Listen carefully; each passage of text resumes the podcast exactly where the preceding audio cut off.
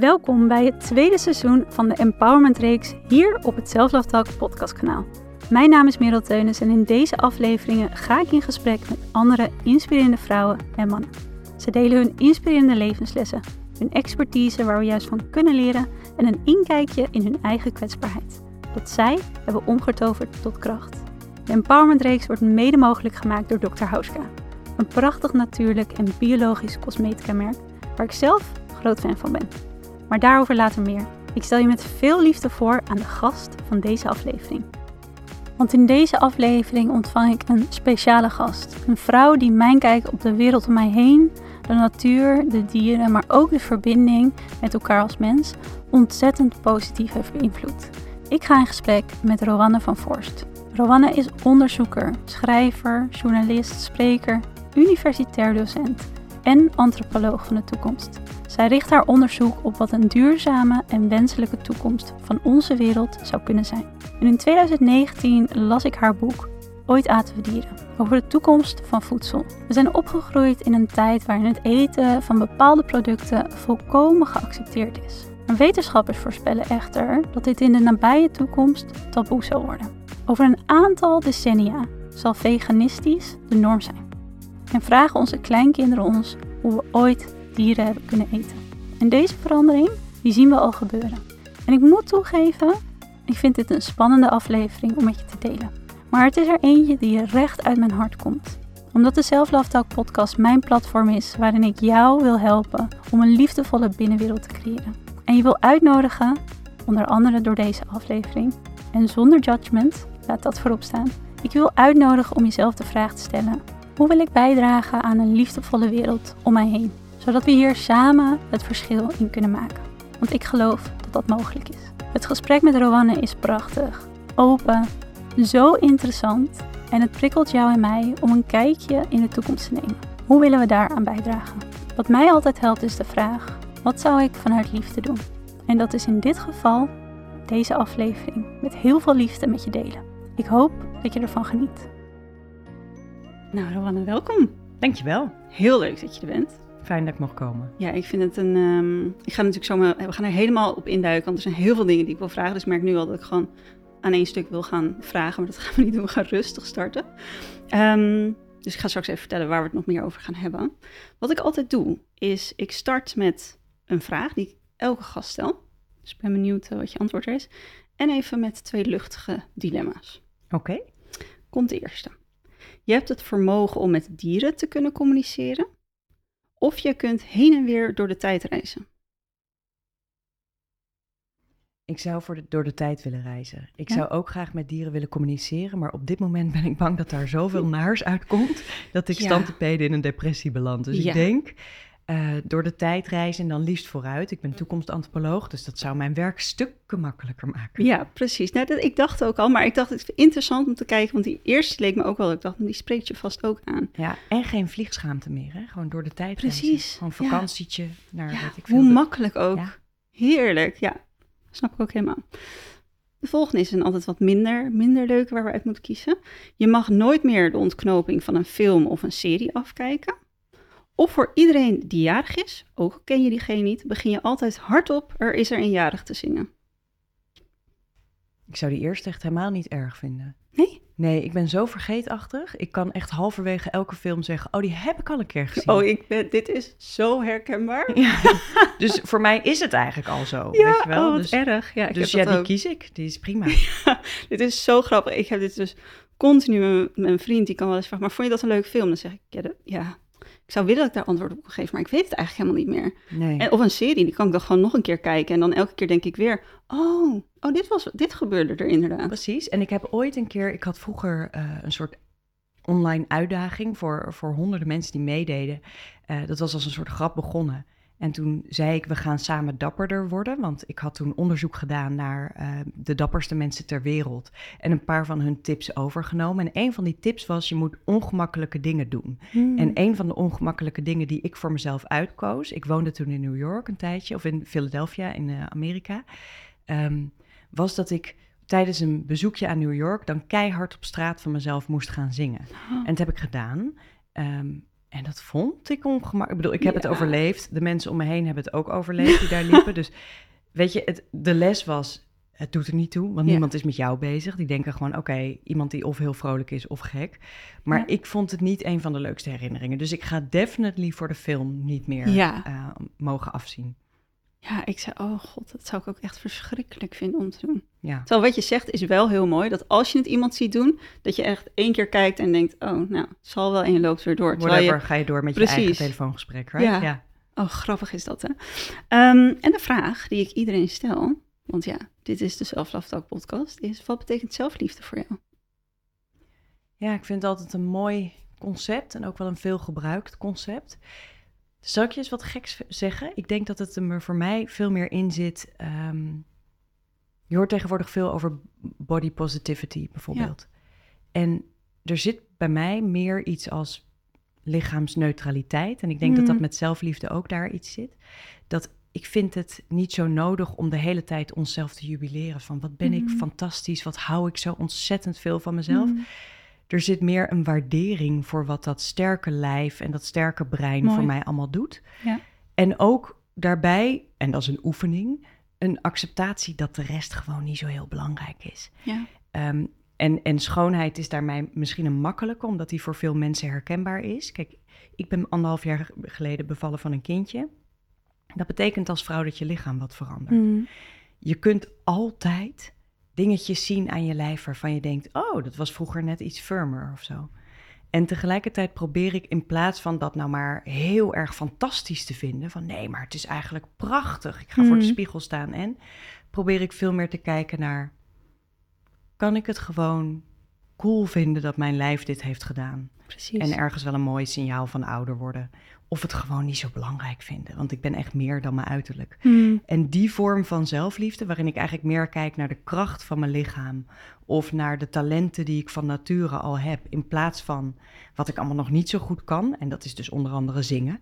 Ehm, dat helpt me heel erg om eigenlijk een soort rust te vinden in mijn leven. En me ook te concentreren op dingen die ik heel belangrijk vind, zoals, I don't know, de verbinding met mijn geliefde of eh, het werk wat ik doe, het onderzoekswerk. In plaats van de hele tijd maar bezig zijn met ofwel een hekel aan dingetjes te hebben, ofwel Ja. er heel veel werk van te maken om dat fantastisch te vinden. Dus Ja. ik denk dat dat voor mij zelfliefde is. Uitgaande van wat er al is ja, en dat waarderen om de kracht die het heeft. mooi.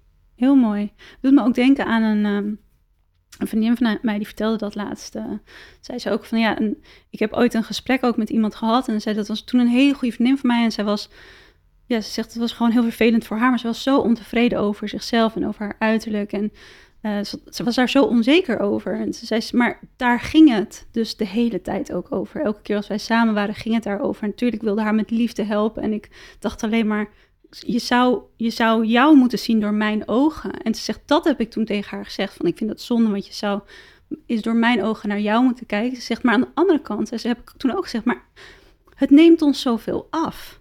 Doordat wij het hier de hele tijd over hebben. Of dat, er, dat jouw focus altijd ligt op datgene wat jij niet goed vindt aan jezelf.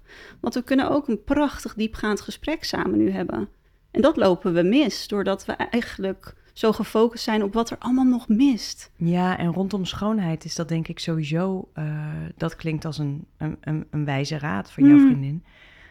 Mijn moeder gaf me ooit toen ik jong was een andere wijze raad en die is ook heel erg waar. Zij zei, let maar eens op, als je 18 bent vind je jezelf vreselijk lelijk. Precies. Als je vervolgens 28 bent, dan kijk je naar jezelf en denk je, wat was ik bloedmooi. En zo gaat dat verder tot je 38, 48. Eh, en op een gegeven moment maakt het je gewoon wat minder uit als Ja. het goed is. Dan ben je weer met andere dingen bezig. En ik denk dat dat klopt. Dat je in het Ja. moment waarin je staat, het is zoiets subjectiefs. En ik herken dat zelf ook wel. Ik, ben, ik heb relaties geweest met mensen die ik prachtig knap vond. Soort Ja. die heel dicht komen bij eh, wat we ideaal vinden of zo. En vervolgens, na een paar jaar relatie en je wordt minder verliefd op zo iemand en de relatie gaat uit, kun je echt weerstand voelen voor zo iemand. Wil je daar absoluut geen seks meer mee? Ja. Ehm, dat heeft dus niets te maken met schoonheid. Dat heeft te maken met aantrekkelijkheid. Als je verliefd wordt op iemand, ook al was het eerst jaren je beste vriend, dat heb ik gehad. En ik had er helemaal geen gevoelens, ook niet over zijn uiterlijk. En ineens dacht ik, oh, maar deze aantrekking, dit Ja. moet de meest sexy persoon ter wereld zijn. Ja. En daar denk ik ook wel eens aan van, misschien moet jouw vriendin zichzelf bijna zien zoals een nieuwe partner haar, zou- zou zien. Precies. Want er is niets te zeggen over schoonheidsidealen. Ze zijn ook nog eens in elke cultuur totaal verschillend. Weet je? Absoluut, absoluut. Ja. Dus dat is het. Ik vind het heel mooi wat jij zegt. Van mag de focus juist inderdaad ook liggen. Zeker ook op een lichaam inderdaad. Van wat brengt het ons allemaal? Ja, maar ik denk, ook, ons? ik denk ook in andere te- op andere terreinen. Hè? Want als je kijkt naar scholing, hoe dat op dit moment gaat, Hmm, dan word je in principe afgestraft voor dingen die niet in het curriculum Ja. passen. Ja. Eh, terwijl jij die misschien wel heel goed kan. Ja, Of in ieder geval worden ze niet gezien. Dus Ja, stel dat. dat. ik ongelooflijk goed ben in communiceren en verbinden en troosten als klein kind.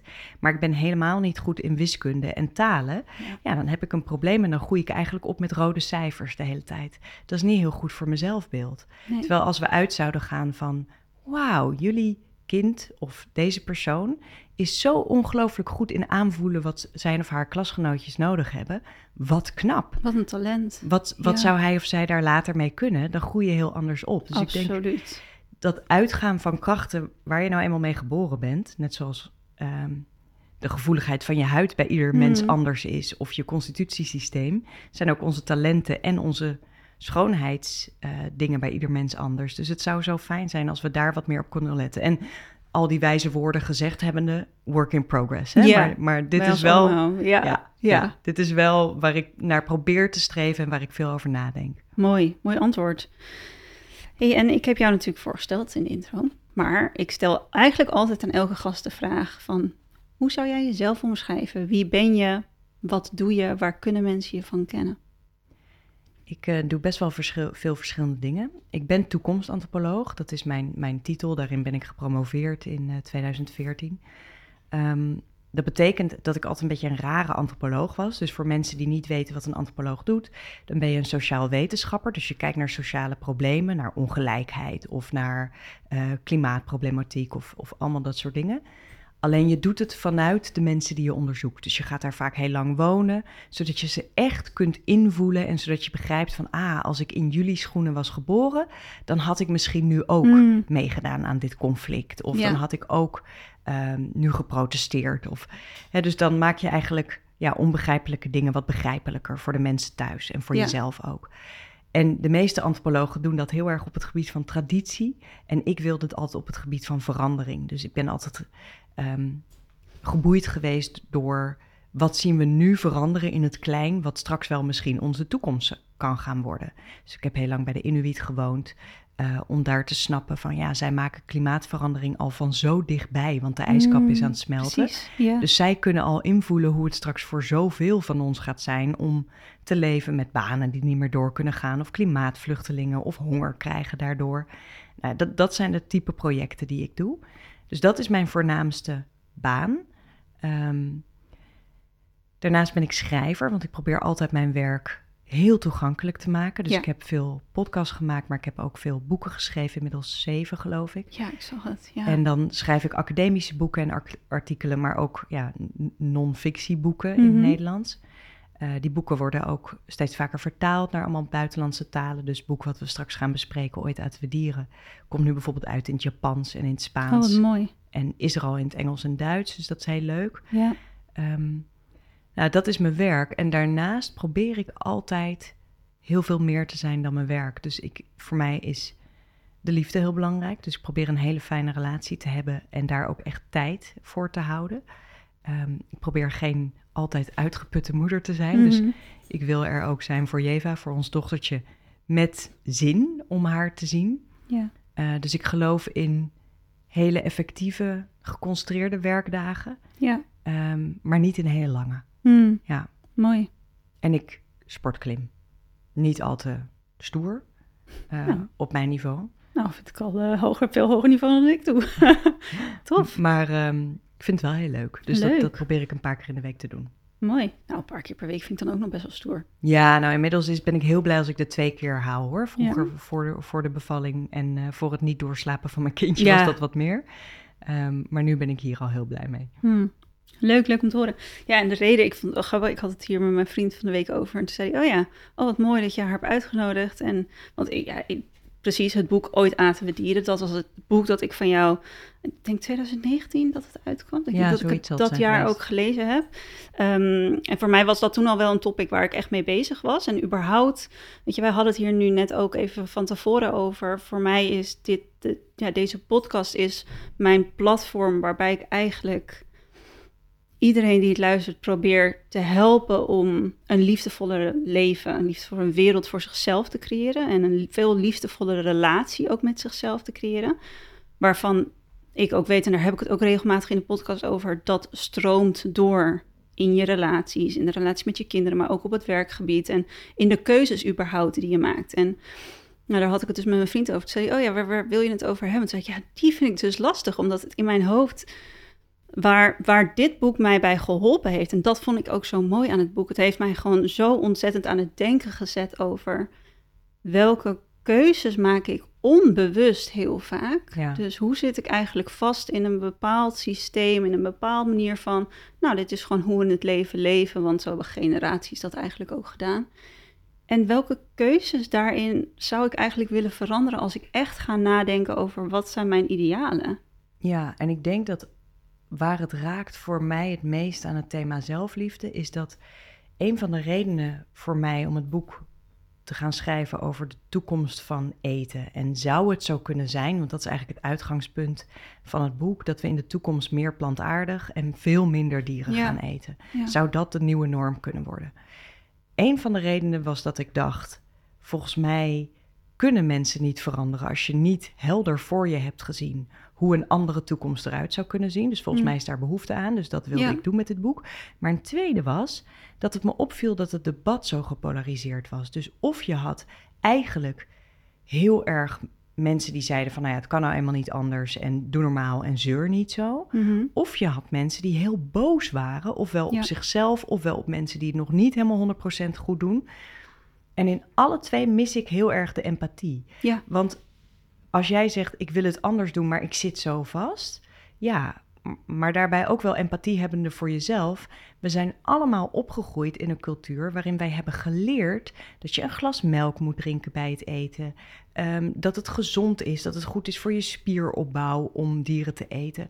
Als jij dat leert als kleintje van je ouders, van de dokter, van op school, ja. Ehm, dan is het niet zo gek dat je dat heel ingewikkeld vindt. Dat je brein daar een stokje voor steekt bijna. Op het moment dat je ook maar nadenkt over radicaal iets anders. Dus ik hoop heel erg dat mensen als ze het boek lezen van zichzelf heel goed begrijpen waarom het zo moeilijk is. En dat is vaak niet dat biefstukje laten staan. Hmm, het is veel meer dat je uit een oude gewoonte moet komen, uit oude overtuigingen moet komen. En, en dat is ook wel een beetje zelfliefde, dat het moeilijk is om iets anders te doen dan de norm. Ja. Dus gaan eten bij die goede vrienden en ineens moeten zeggen: hé, hey, maar zouden jullie voor mij niet met vlees of zelfs met zuivel willen koken? En dan bang zijn dat dat moeilijk is of te irritant is. Ja. Dat is voor heel veel mensen ingewikkeld. Precies. Maar daarin ruimte durven innemen en zeggen: hé, hey, maar ik vind het niet meer oké. Ik heb erover gelezen, het voelt niet meer lekker. Dus willen jullie daarin rekening houden met mij en eigenlijk met de wereld? Dat is ook zelfliefde.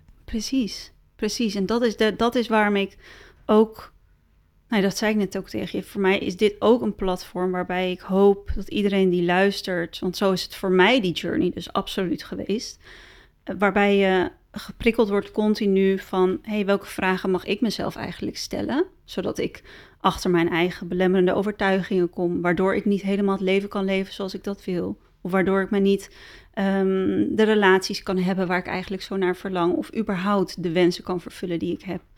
Want dat is wat ik hoop voor iedereen. Dat ze daarin veel meer vervulling en, en tools en, en innerlijke kracht eigenlijk uithalen. Maar dat zei ik ook tegen jou. Ik hoop ook met, deze plat, met dit platform dat het je uitdaagt en uitnodigt om daarin verder te kijken. Van hé, hey, als ik die wereld in mijzelf liefdevoller maak, hoe kan ik dan de wereld om mij heen ook liefdevoller maken. Op dat soort van. Want ik denk dat dat, wat jij zegt, dat is wel, denk ik, heel herkenbaar. Ik herken dat zeker.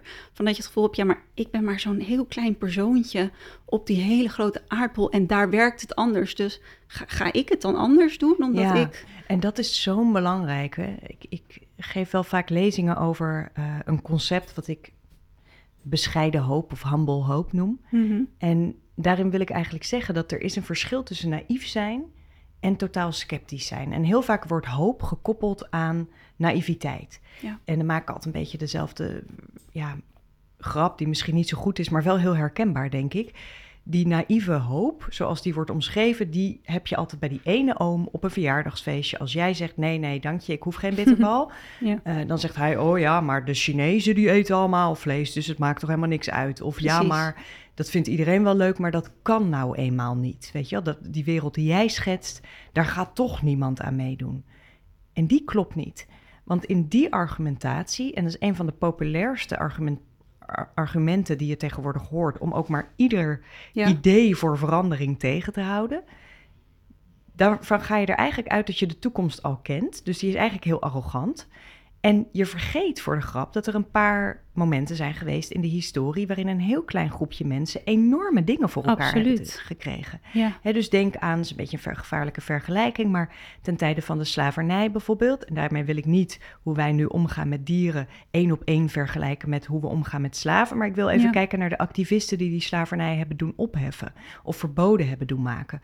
Dat waren er vijf. Hmm. Dat waren vijf mensen in een wereldsysteem waarin slavernij gedragen werd door alle mensen die daar vreselijk rijk en comfortabel van leefden. En toen hebben vijf mensen uit Groot-Brittannië, vijf advocaten, vijf rechters, die zijn bij elkaar gaan zitten van ja, dit kan echt niet meer. En binnen 100 jaar, dat is dus binnen één mensenleven, Ja. was het verboden overal ter wereld. Ja. Is het helemaal weg trouwens? Nee, het bestaat af en toe nog, maar het is wel verboden bij wet. Dus iets wat de norm was, was ineens verboden.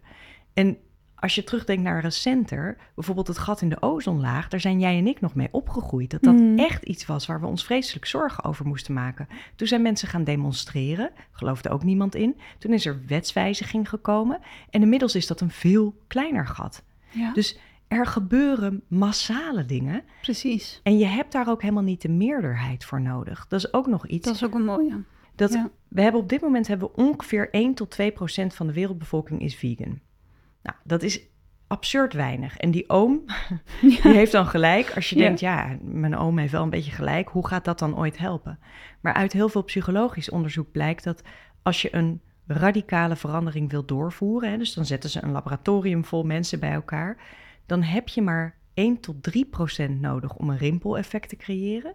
Dat duurt dan eventjes. Dus dan laten ze 1 tot 3 procent van die mensen... geven ze een radicaal idee mee... maar die moeten er wel echt voor gaan staan. En die moeten Ja. dat uit gaan dragen. En dan krijg je dat binnen een paar uur in dat soort experimenten, maar dat zal in ons leven kan dat een paar maanden, kan het misschien een paar jaar zijn. Gaat dat oplopen naar 30%? En daar ligt het kantelpunt. Hmm. Want bij 30% gaat ineens de meerderheid mee. En de reden is dat mensen verandering heel ingewikkeld vinden, Ja. maar sociale uitsluiting nog meer. Hmm. Dus dan wordt het ineens een te grote groep en dan wil iedereen daarbij horen. En dan denk ik, nou, kijk, we zijn nu met 1 tot 2. Als we 1 tot 3 procent nodig hebben voor dat rimpeleffect, daar zitten we helemaal niet zo ver vandaan met z'n Nee, allen. precies. Dus uitdragen, gewoon elke keer in de supermarkt zijn en al kies je er niet elke keer voor, maar bijna elke keer. Ja, Kiezen voor die vega-burger in plaats voor eh, de kiloknaller. Ja. Dat geeft de supermarktmanager een signaal van hé, hey, hier is meer vraag naar, hé, hey, hier is nog meer vraag naar. En hé, hey, die kiloknallers die lopen beduidend minder goed. Dus wat gaat hij doen volgende week? Gewoon meer inkopen van plantaardig eten en minder van, de, eh, van het vlees eten, Ja. van het dierenvlees eten. En dat heeft een enorm effect. Het is eigenlijk gewoon stemmen met je portemonnee. precies. Dus ik merk altijd, als ik vraag in een restaurant, gewoon heel vriendelijk: hey, kunnen jullie voor mij iets plantaardigs maken? Zelfs in de grootste uithoekjes ehm, in Nederland. En soms hebben ze het nog niet op de kaart en dan gaan ze het proberen. En heel soms hoor ik nee. En weet je, dan ben ik ook de allermoeilijkste niet. Oké, dan doe ik iets vegetarisch. Dan geniet ik er heel erg van. Precies. Ehm, ik wil ook niet altijd het avondje verpesten, maar het gebeurt eigenlijk bijna nooit meer. En vaak als ik nog eens in zo'n restaurant kom, dan was ik niet de enige die ernaar heeft gevraagd. En dan hebben ze inmiddels wel één of twee vegan gerechten op Ja. de kaart. En dat is hoe het werkt. Dat is hoe we dat rimpeleffect creëren. Dus het hoeft allemaal niet zo super streng. Mooi Maar- hè, dat je ja. eigenlijk alleen al door een vraag ergens te stellen, iets in gang zet waarvan jij misschien helemaal niet meer ziet dat het gebeurt. Nee, dus jij verliest de hoop. Jij denkt, Ja. oh, nou ben ik naïef, ben ik nou die zeur? Terwijl die restauranteigenaar denkt, verdomd, dit was al de derde deze maand. Weet je, laat ik, nou ja, we gaan Ja. toch maar iets op de kaart zetten. Ja. En dat is gewoon wel wat je heel vaak niet ziet. Dus hoop zou, ik denk dat onze definitie van hoop gaat nu heel erg over het tastbare. Hmm. Wat je kunt zien dat er inderdaad gebeurd is. Maar je zou het ook anders kunnen zien. Al die onzichtbare dingetjes die er anders nog veel erger waren geweest. Als je helemaal Ja. niks had gedaan. En al die kleine rimpelingetjes die er al in, ga- in gang zijn. We zien helemaal niet wat er al aan het veranderen is. Nee, dat is zo mooi daaraan, hè? Dat is zo krachtig. Ja. Maar wat jij zegt is denk ik wel heel herkenbaar. En als ik nu, als ik in alle eerlijkheid ook ga nadenken over hoe ik zeg maar toen jouw, jouw boek las, Ooit aten we dieren. En ik heb er gisteren ook weer eventjes in zitten lezen. En dan ben ik elke keer weer gewoon gefascineerd over wat erin staat. Dan denk ik, ja, zo werkt het bij mij dus ook. Van inderdaad wat jij zei, van we willen eigenlijk soort van weten hoe die toekomst eruit al gaat zien. En dan voelen we ergens misschien die bevestiging van, oh oké, nou prima, want dan kan ik er daar aan bijdragen. Dan weet, oh, dan weet ik waarvoor ik het doe. En dat vind ik interessant, want ik zat het te lezen en toen was het voor mij ook weer, terwijl ik zou nooit meer terug kunnen gaan naar ehm, hoe, hoe ik ooit at en, en, en überhaupt mijn voedingsstijl was. Maar dat ik interessant, want dat gebeurt wel. Ik las het en toen dacht ik, ja, zie je wel, dit is, dit is, dit is waarom ik die keuzes maak. Dit is, want daar, daar sta ik achter dat het verandert op een gegeven Absoluut. moment. Als jij de garantie had Ja, dat we hè, bij de volgende generatie, dus de generatie die nu opgroeit, dat die vrijwel plantaardig eten en dat die terugkijken op nu en zeggen: hé, maar jullie hadden toch die, die Verenigde Natie-rapporten al, jullie wisten toch al met klimaatverandering, jullie wisten toch al ja, al die incidenten, quote-unquote, in slachthuizen. Dus waarom ben je niet gewoon toen minder vlees gaan eten? Hmm. Ja, dan, dan weet je wel wat je wil kunnen zeggen. Maar ook als je de garantie had dat we allemaal straks inderdaad zo zouden leven, dan wil Ja. je daar heel graag aan hebben bijgedragen. precies. Als je de garantie had dat het allemaal niks uitmaakt, dat we inderdaad straks gewoon, hè, dat de wereld over tien jaar ophoudt, eh, dat iedereen veel meer vlees gaat eten, ja, dan ga je het opgeven. Dan denk je Hmm. van, nou ja, oké, weet je, eh, sorry, ja. maar ik ga nu gewoon alle plastic kopen die er is. Ik ga Ja. weer heel erg vlees eten. Dus dat helpt absoluut. En de grap is dat de dominante stem op dit moment zegt: het lukt niet. Maar alle trends wijzen erop dat er langzaam iets aan het veranderen is. ja. Als je nu kijkt naar hoe jonge kinderen zich voelen en hoe makkelijk zij eh, vegan knakworstjes eten in plaats van eh, gewone knakworstjes, zeg maar, dan ga je ineens voor je zien van: oh ja, ja. maar voor hun wordt het straks een hele andere wereld. Er is veel meer verkrijgbaar. Er is veel meer kennis over wat dieren doormaken. ja.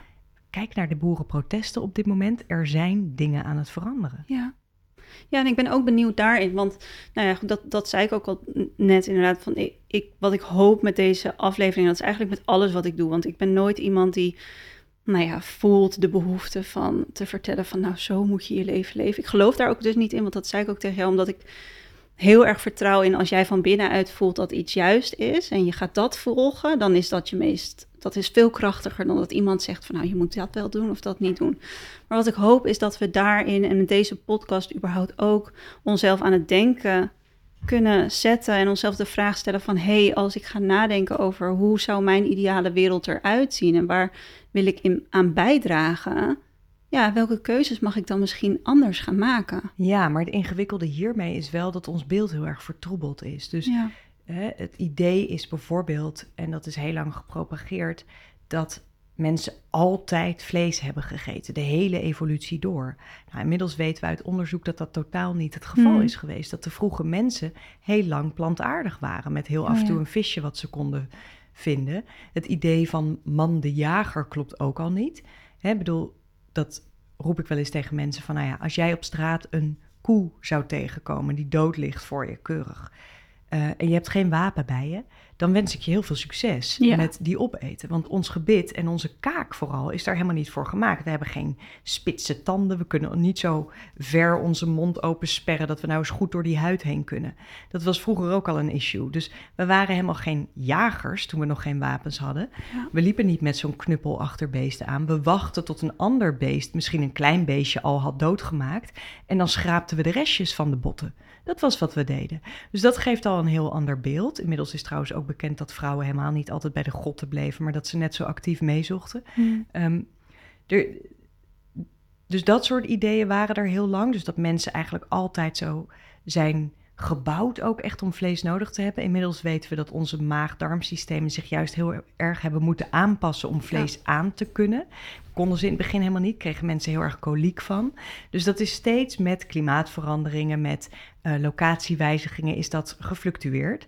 Cultureel is het ook steeds heel anders geweest. Dus bijvoorbeeld in Europa is er een periode geweest dat we giraffen aten. Nou, dat zouden we nu vrij gruwelijk vinden. Maar destijds vonden we dat heel normaal. Ja. Dus, dus het fluctueert. In de middeleeuwen dachten ze een tijd dat je beter geen fruit en groente kon eten, omdat dat niet gezond was voor het systeem. Dus iets wat natuurlijk lijkt, is eigenlijk cultuur. En dan komt er nog eens bovenop dat je op dit moment, en ik vond dat zelf ook heel lastig hoor, want ik heb hier voor dit boek heb ik vijf jaar onderzoek gedaan. Ja, ja. Nou ja, daarvoor wist ik eigenlijk niet. Ik nam aan dat als ik zo'n spartelend kalf in zo'n slachthuis op, op mijn feed zag ergens, dan klikte ik dat trouwens heel snel weg, want dat vond ik heel naar. Maar ik dacht ook, ja, dat is een incident, wat vreselijk. Mm, um, en inmiddels komt er natuurlijk steeds meer naar buiten van nee, maar dat gebeurt echt heel erg veel. Het is niet voor niks dat we niet naar binnen mogen in slachthuizen. Ja. Het is niet de schuld van nare mensen of zo, helemaal niet. Nee.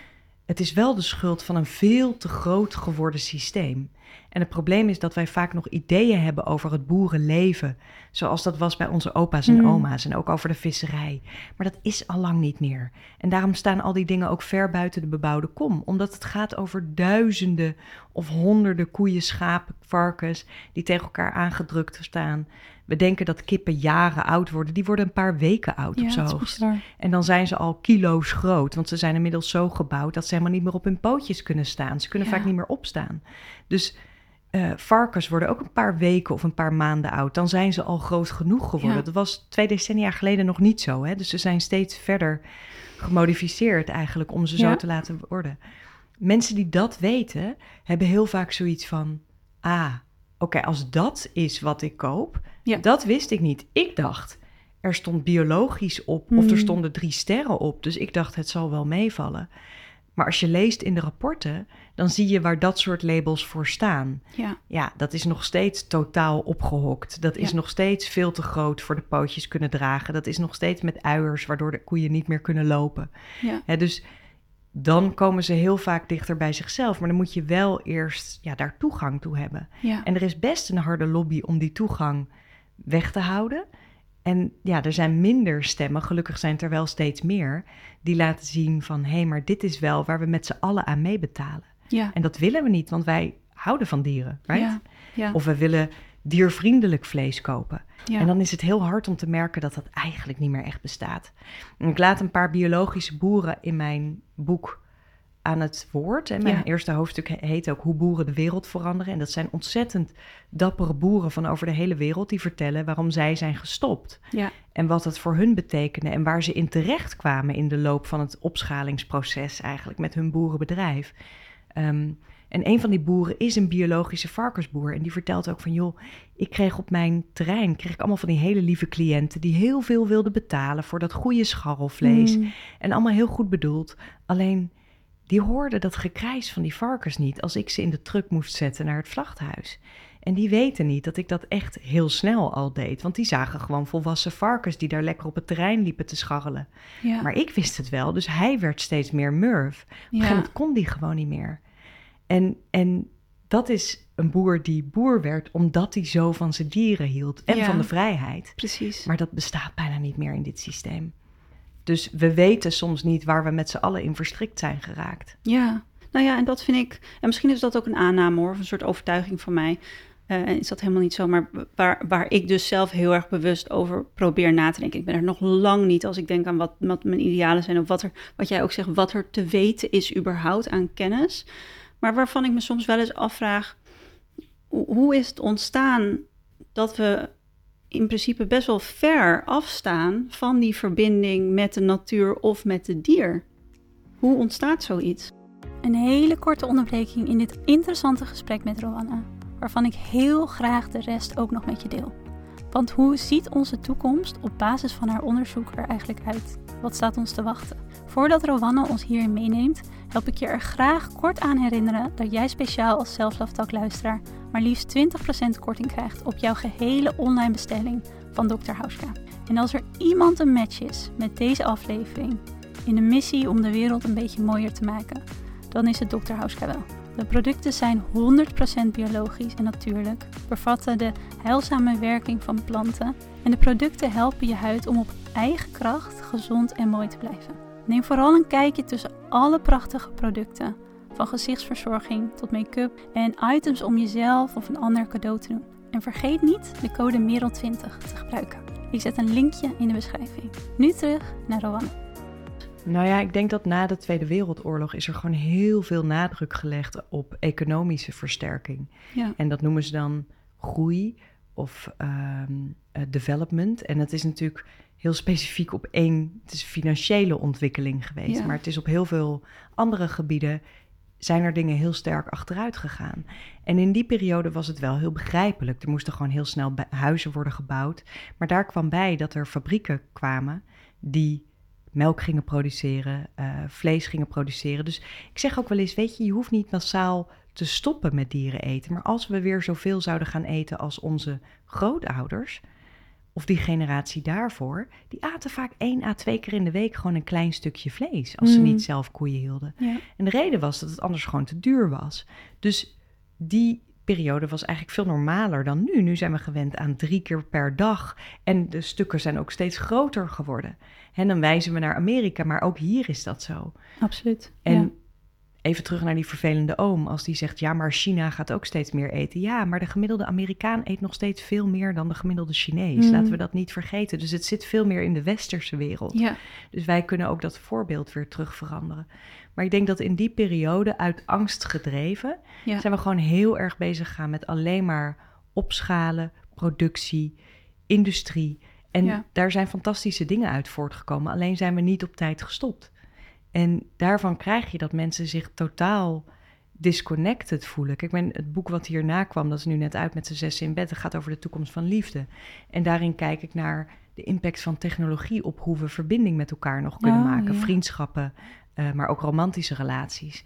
En daarin zie je dat heel erg. Van we kunnen gewoon bijna minder goed relaties onderhouden. Omdat we heel erg de verbinding kwijt zijn geraakt met onszelf vooral. Oh ja.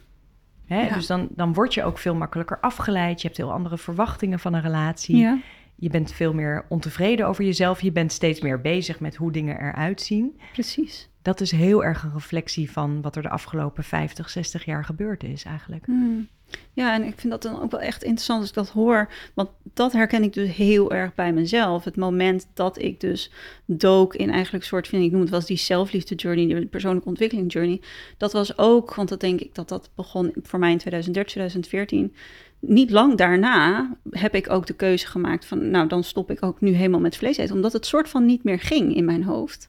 Dat ik dacht, als ik nu kies voor liefde, zo radicaal voor mezelf. En om daaruit al die keuzes te maken in mijn leven, hoe ik mijn leven wil leven.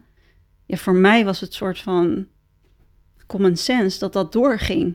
En Ja. dat ik daarin kon denken van, ik ben de grootste dierenliefhebber die er is. Hoe kan ik dat ik deze keuzes maak? Maar het was natuurlijk gewoon zo gewoon. Want was, zo was, had ik het geleerd. En het was ook Je bent Ik zo opgevoed. Precies, en ik heb het in kleine stapjes gedaan. Maar het was voor mij wel, en daarom vond ik dit boek ook zo mooi. En ik ben benieuwd of je daar ook wat meer over kan vertellen. Omdat voor mij, je schrijft natuurlijk, en dat zeg je net ook van.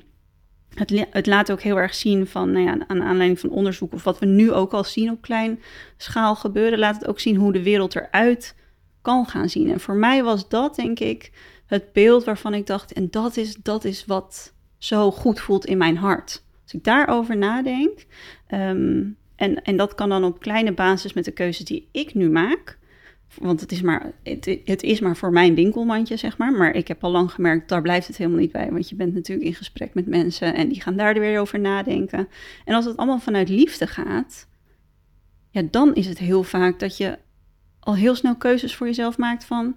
Ja, dan zijn er inderdaad ook wel onbewuste patronen of systemen geweest waar, ik- waar ik helemaal niet achter sta. Ja, ik, ik- daar ga ik zo over vertellen. Ik wilde één ding, het is wel mooi wat je zegt, omdat er is een filosoof die zegt, je kunt eigenlijk niet, het is niet alsof we twee harten hebben. Hmm. Dus als je heel erg van dieren houdt, maar je doet ze kwaad. En je komt Ja. daar op een gegeven moment achter, hè? want Ja, we weten dat ja, helemaal niet. We hebben nog precies. steeds dat beeld van die lieve koetjes in de wei, want zo staat het op de pakken. Absoluut. Nou ja, ik laat in het boek zien van zelfs als het op de pak staat, dat klopt vaak niet meer. Of eh, prima, maar ze worden nog steeds na week één bij hun moeder weggehaald en afgemaakt. Alle stiertjes, hè?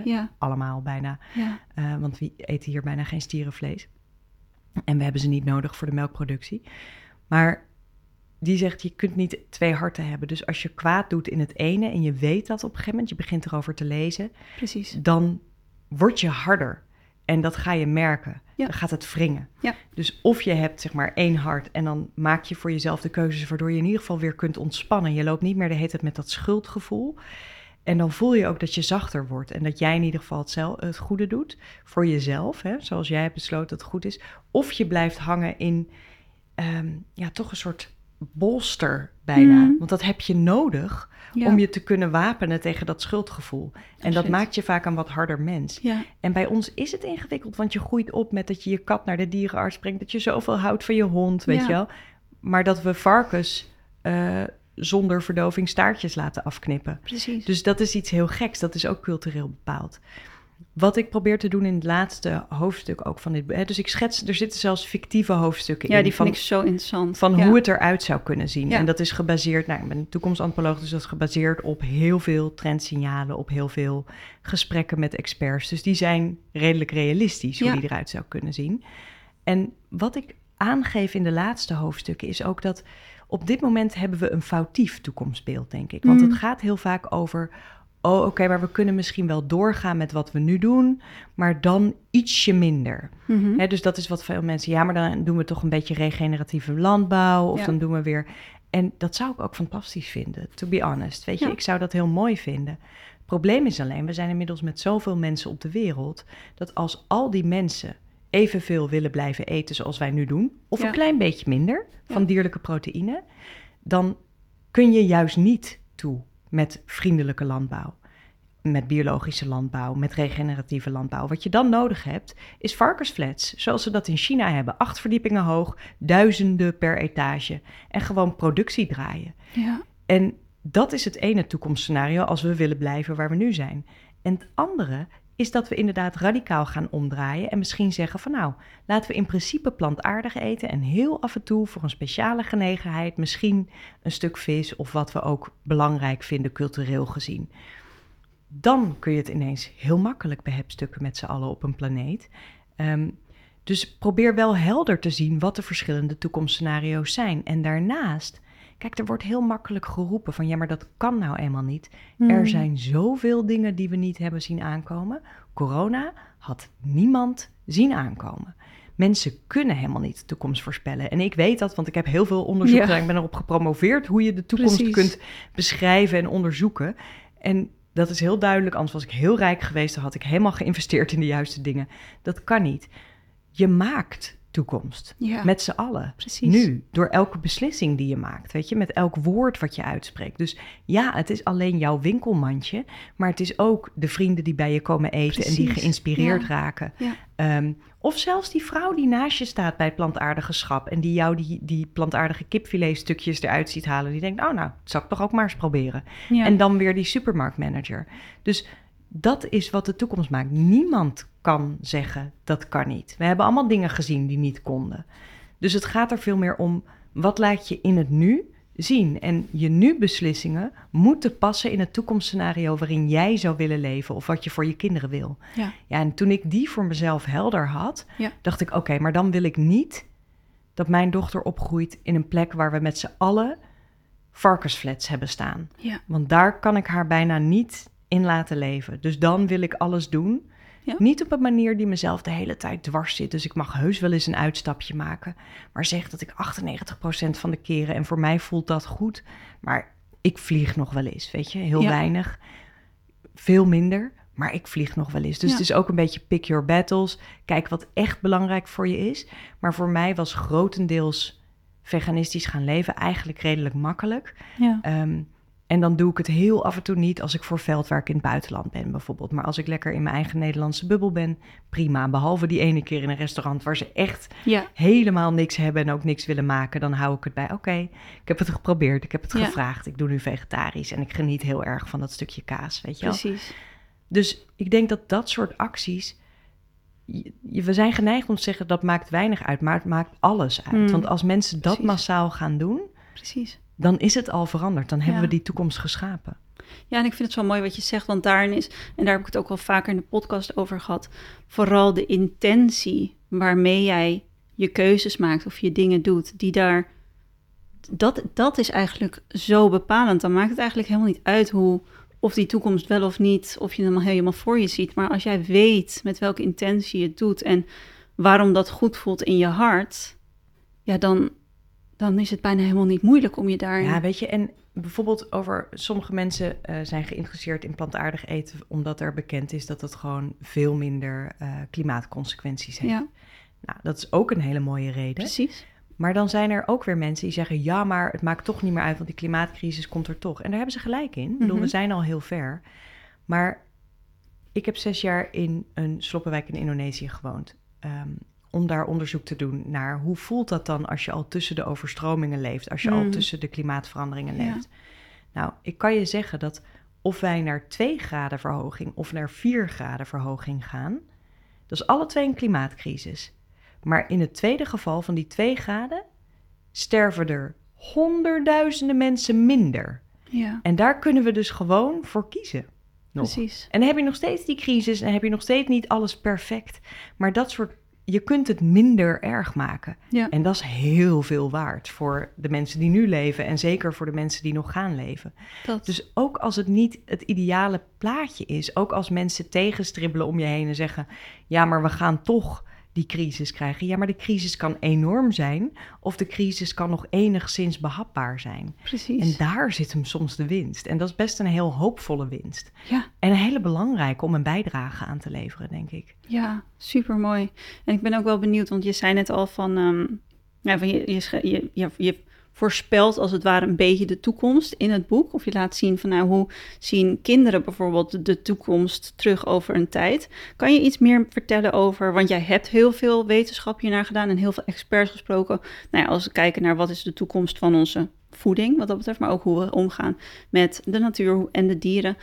Hoe we dat een beetje kunnen voor ons kunnen zien. Voor de mensen die het boek niet gelezen hebben, maar het wel heel interessant vinden. Ja, nou, wa- wat je, wat je krijgt nu al, dat is al een klein beetje aan het ontstaan, maar dat gaat hoogstwaarschijnlijk de komende decennia veel groter worden.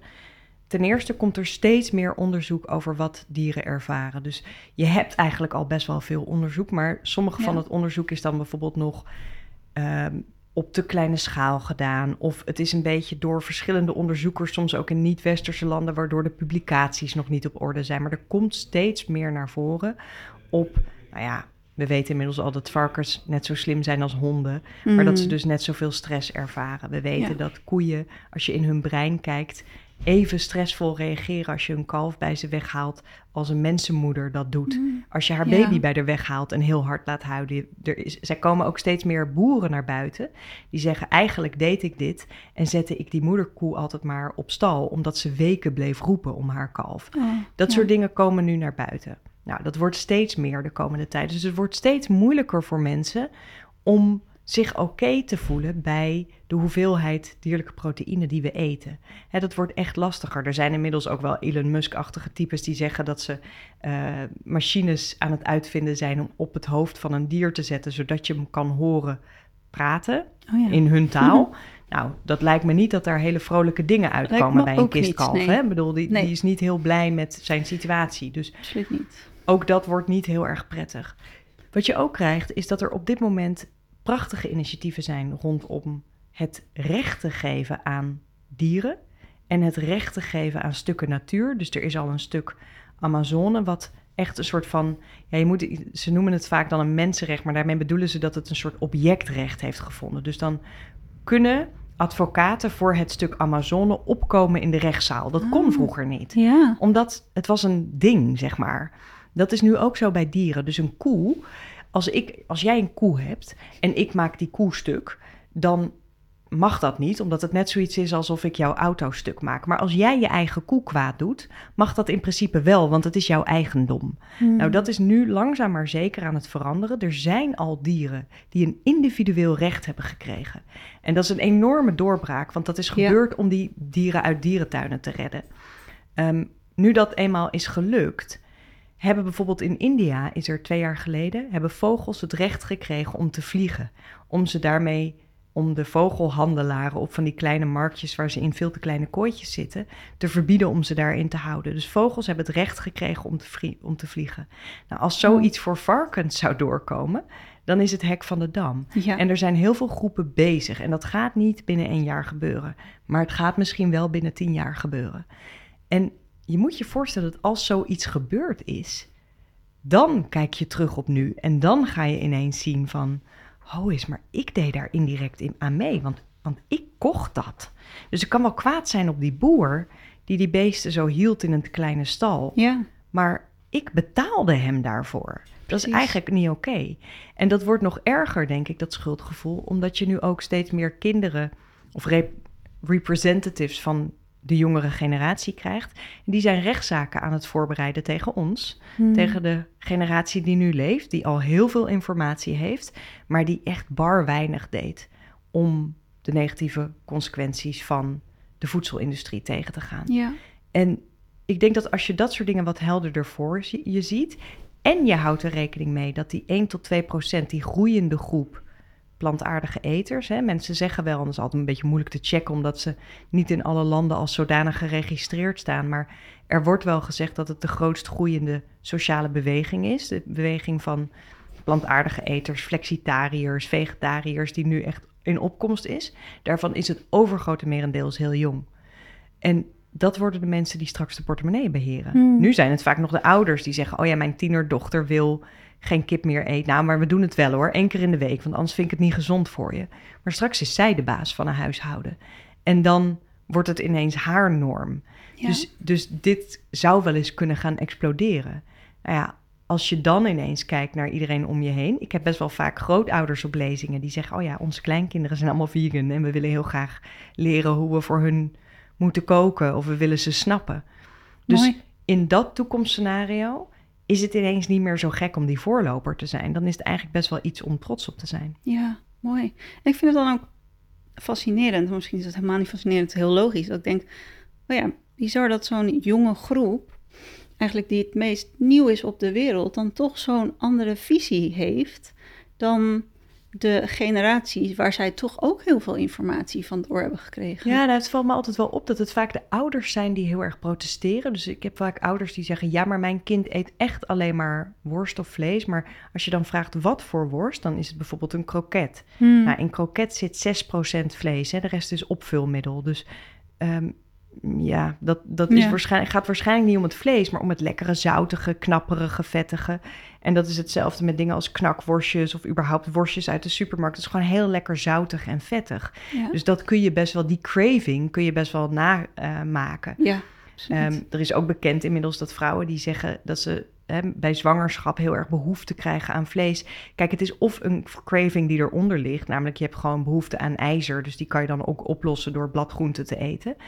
Maar het is nog meer, werd recentelijk bekend, echt een culturele mythe. Dus vrouwen horen dat van elkaar. Van, oh, maar dan ga jij wel zin krijgen. Let maar op, dan ga je zin. En het staat ook in voedingsadviezen. Dus dan ga je dat op een gegeven moment inderdaad wel voelen. Terwijl als je niet beter zou weten dan dat het er niet was, dan Ja. is het er waarschijnlijk ook niet zo. En als je echt ervan overtuigd bent van wel, dan zeg ik ook altijd tegen vrouwen, joh, dan gun je het jezelf heel af en toe. En dan ga je er, je moet wel duurzaam en een beetje oké blijven voor jezelf. Een beetje aardig Ja. blijven voor jezelf. En die jongere generatie, Kijk, weet je, toen ik jong was en vegetariër wilde worden in mijn tienerjaren, toen was het ook nog moeilijker voor mijn moeder. Want toen moest ze echt, weet je wel, dingetjes gaan Ja, maken en verzinnen en met bonen. Maar nu kun je best wel veel vervangers kopen. Of je kunt Ja. in het vriesvak voor 3 euro een kant-en-klare Thaise curry kopen die gewoon vegan is. Dus het is inmiddels voor die jongere generatie ook wel veel makkelijker geworden. Het is veel normaler ja. op het kinderdagverblijf van mijn dochtertje. Dat is helemaal niet per se vegetarisch. Zij eet daar wel vegetarisch. Ehm, ja, daar hebben ze heel vaak gewoon überhaupt voor alle kindjes vegan nuggets of dat soort dingetjes, Ja. weet je wel. Ja, Eh, ze eten ontzettend gezond hoor en heel veel groentehapjes en zo. Maar dat soort dingen zijn voor hun ja, normaal, want die vindt iedereen lekker. En die, ja, het, het is een andere wereld al aan het worden. Ja, mooi is dat. En ik ben daarin ook wel heel erg nieuwsgierig. Want ik kan me ook echt wel voorstellen dat er mensen zijn die nu luisteren en dan denken: oh ja, ehm, ik zou daarin ook wel meer verandering willen eh, maken. Of ik zou in ieder geval andere keuzes zelf willen maken. Je hebt vast, waarschijnlijk heel veel mensen gesproken die ook op zo'n punt staan. Wat, wat, wat helpt mensen om daarin wel die verandering te maken, maar niet misschien overweldigd te raken Ja. in. Nou, ik, ik denk drie dingen. De eerste is echt kleine stapjes. Dus je kan beter langzaam verandering maken Ja, dan dat je heel snel nu cold turkey, leuke woordspeling daar, ehm, gaat. Omdat ik dan vaak merk dat mensen eh, het te moeilijk gaan vinden. Ja. Hè? Of, of, of toch inderdaad overweldigd raken. Dus je kunt beter kijken of je langzamerhand dingetjes kunt gaan vervangen. Een hele bekende is havermelk in plaats van gewone melk in de cappuccino. Vinden de meeste mensen lekker.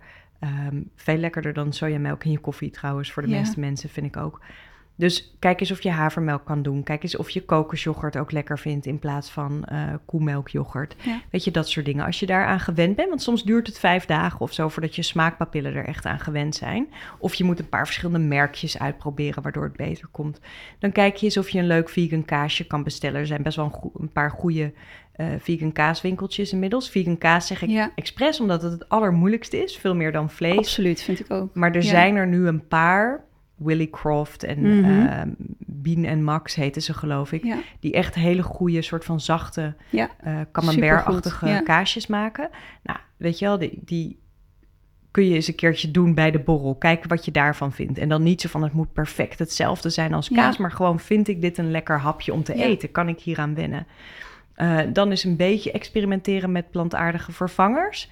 Voor mensen die echt in de transitie zitten of die thuis nog een echtgenoot hebben die het misschien niet wil, is dat een hele fijne. Want dan kun je wel ehm, de gehaktbal eten die je altijd at, maar dan is die van jou van Beyond Meat. Ja. Die zijn heel goed, de kleine gehaktballetjes ervan.